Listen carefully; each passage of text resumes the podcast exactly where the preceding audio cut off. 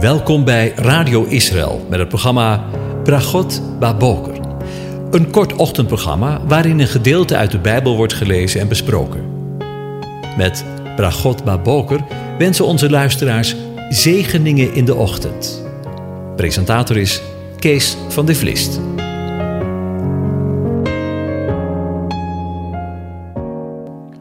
Goedemorgen, luisteraars. Vandaag denken we weer verder na over Psalm 119 en daarvan de versen 5 tot en met 112. Ik lees ze aan u voor. Uw woord is een lamp voor mijn voet en een licht op mijn pad. Ik heb gezworen en ik zal het gestand doen. Ik zal uw rechtvaardige bepalingen in acht nemen. Ik ben ten zeerste verdrukt. Heere, maak mij levend overeenkomstig uw woord. Aanvaard toch, Heere, de vrijwillige gave van mijn mond en leer mij uw bepalingen. Mijn leven is voortdurend in gevaar, toch vergeet ik uw wet niet. De goddelozen hebben mij een strik gezet, toch ben ik van uw bevelen niet afgedwaald. Uw getuigenissen heb ik voor eeuwig in erfelijk bezit genomen, want ze zijn de vreugde van mijn hart. Ik heb mijn hart geneigd overeenkomstig uw verordeningen te handelen, voor eeuwig, heren, tot het einde toe.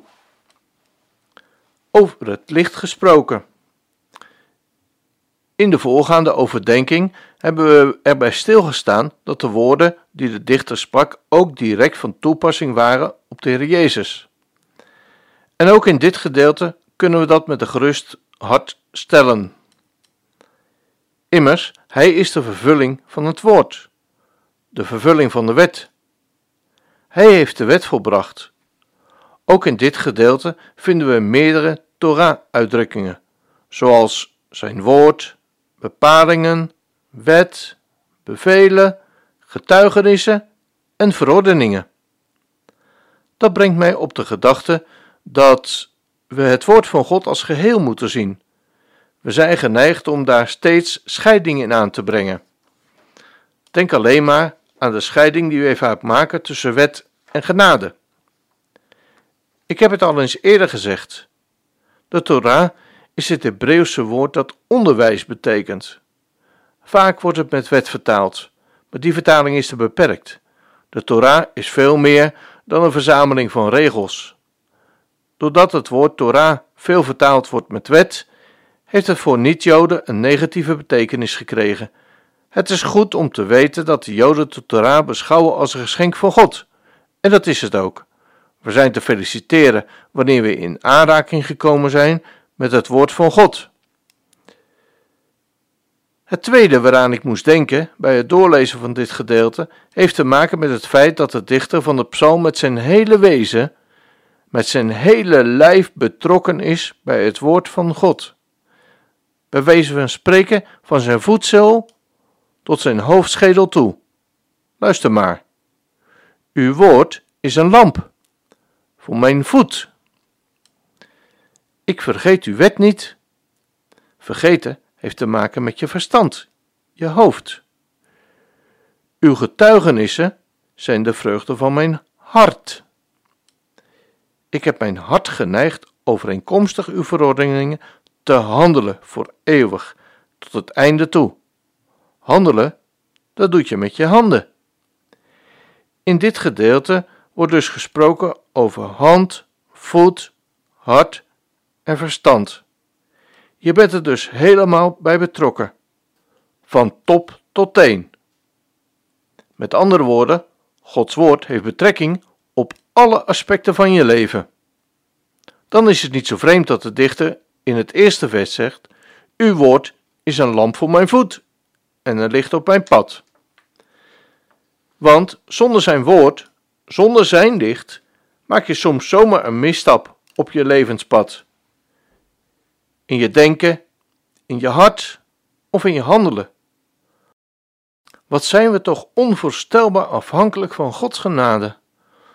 Zonder kunnen we niet. Geen moment. We hebben hem ieder moment van ons leven weg nodig, want uw woord is een lamp voor mijn voet en een licht op mijn pad.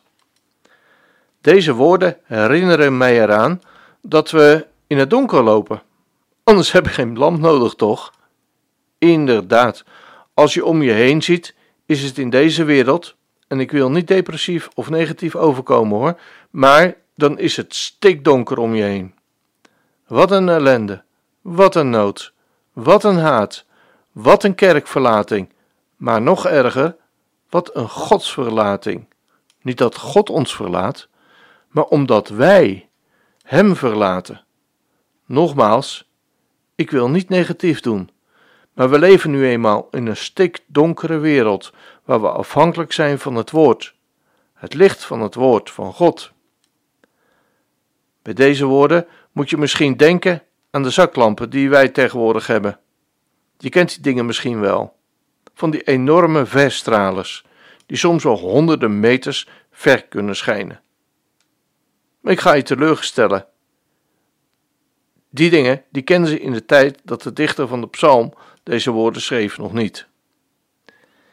Ik weet niet of je wel eens in Israël geweest bent, in Nazareth Village, een openluchtmuseum. Als je daar geweest bent, ontving je bij de uitgang een olielampje. Een klein, nietig kruikje met een lontje. Als je daar wat olie in doet en je steekt het lontje aan, verspreidt het wat licht. En wanneer je daarmee in het donker loopt in het oosten, verstoken van al het namaaklicht, verspreidt het lampje, het vlammetje, een licht. Net voldoende om een volgende stap te zetten. Daarmee vergelijkt de dichter van de psalm het woord van God. Wij mensen van deze tijd zijn gewend om te plannen, soms een week, soms een maand en soms wel een jaar of zelfs meerdere jaren vooruit. Denk maar eens aan je vakantie of je carrièreplanning. Maar de Heere God houdt er een heel andere planning op na. De Heere God rekent altijd in dagen. Er zijn talloze voorbeelden te noemen. God rekent niet met weken, maanden en jaren, maar van dag tot dag. Dat was bij de schepping al zo. Wil je een voorbeeld? Genesis 8, vers 22. Voortaan, al de dagen van de aarde zullen zaaitijd en oogsttijd, koude en hitte, zomer en winter, dag en nacht niet ophouden. Als je even bij deze woorden stilstaat, is dat eigenlijk mooi. Vind je ook niet?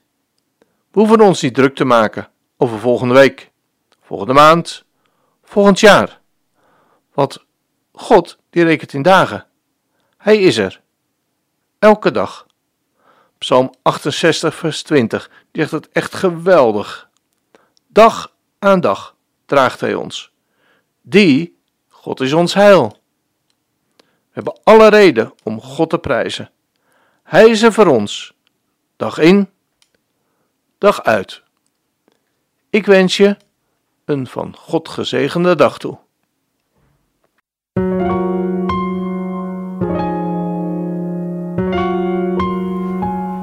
U hebt geluisterd naar het programma Bragot Baboker.